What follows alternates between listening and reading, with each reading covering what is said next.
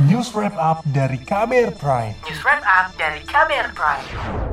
Saudara, pandemi COVID-19 nyata telah berdampak pada seluruh sektor tak terkecuali industri media massa. Tak hanya soal keberlangsungan media, kesejahteraan jurnalis juga ikut terancam. Banyak media mulai memangkas jumlah jurnalisnya dengan alasan efisiensi. Dan sekarang akan saya hadirkan laporan khas KBR yang disusun oleh Reporter KBR Heru Haitami. Lembaga Kajian Reformasi Sistem Peradilan Pidana dan Hukum atau ICGR bersama Lembaga Bantuan Hukum LBH Pers dan IJRS melakukan penelitian mengenai kebebasan pers dan keselamatan jurnalis selama pandemi COVID-19. Jaminan kesejahteraan pers dinilai penting terutama dalam menghadapi pandemi yang sedang terjadi di berbagai belahan dunia. Peneliti dari ICJR Mulki Sadar menyebut ada dua topik mendasar mengenai kebebasan media yang menjadi sorotan, yaitu berkaitan dengan produk jurnalistik dan keselamatan jurnalis, serta mengenai jaminan pemenuhan hak ketenaga kerjaan jurnalis. Kita lihat juga pada awal-awal situasi pandemi, tiba-tiba terjadi peningkatan pengaduan yang sangat tinggi di LBH Pers, uh, pada bulan Juli sudah ada 110 pengaduan. Kemudian terbitnya beberapa uh, instruksi peraturan-peraturan, misalnya dari Kapolri yang mencoba untuk menangani hoax, penghinaan pejabat, penipuan jual beli yang pada praktiknya juga sangat berpotensi mengganggu kebebasan berekspresi, uh, kebebasan pers di Indonesia. Hasil penelitian juga mengungkapkan selama pandemi COVID-19 ini, situasi kebebasan pers masih memberikan sejumlah catatan buruk.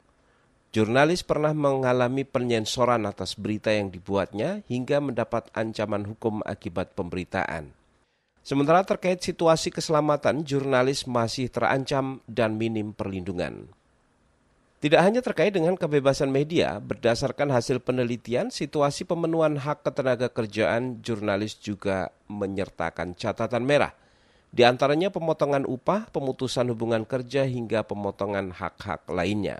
Ini disampaikan Direktur Lembaga Bantuan Hukum Pers Ade Wahyudin. Ini rekomendasi dari seluruhan penelitian ini. Yang pertama, pemerintah melalui Kementerian Ketenagakerjaan dan jajarannya melakukan pengawasan dan penindakan terhadap pelanggaran-pelanggaran hak ketenagakerjaan jurnalis, terlebih dalam situasi pandemi.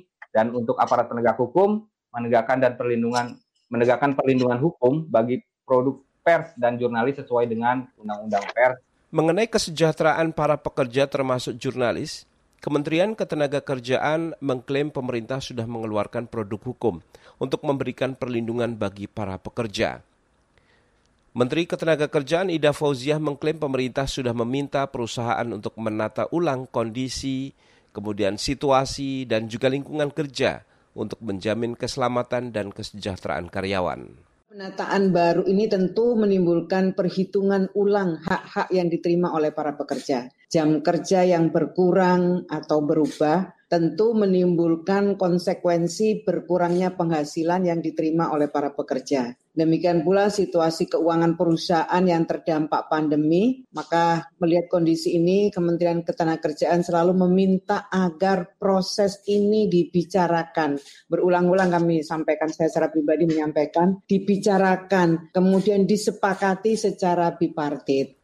Ketua Komisi Hukum dan Perundang-undangan dari Dewan Pers Agung Darmajaya mengatakan, saat ini sudah banyak aturan terkait dengan perubahan untuk menyesuaikan diri dengan kondisi pandemi. Dalam kondisi pandemi ini yang dibutuhkan media menurutnya adalah upaya bertahan sehingga perusahaan tetap bisa memenuhi hak para pekerja.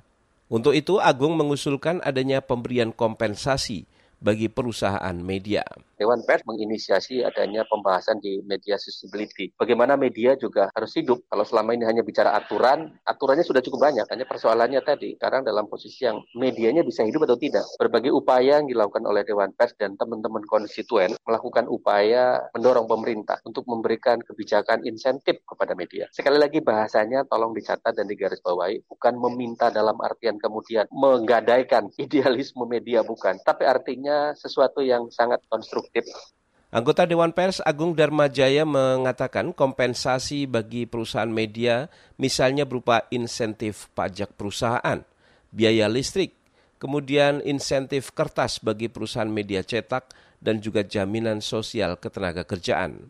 Dengan demikian, perusahaan bisa terbantu mengatasi kondisi ekonomi yang berat akibat dampak pandemi. Laporan ini disusun Heru Haitami, saya Agus Lukman. Kamu baru saja mendengarkan news wrap up dari KBR Prime. Dengarkan terus kbrprime.id, podcast for curious minds.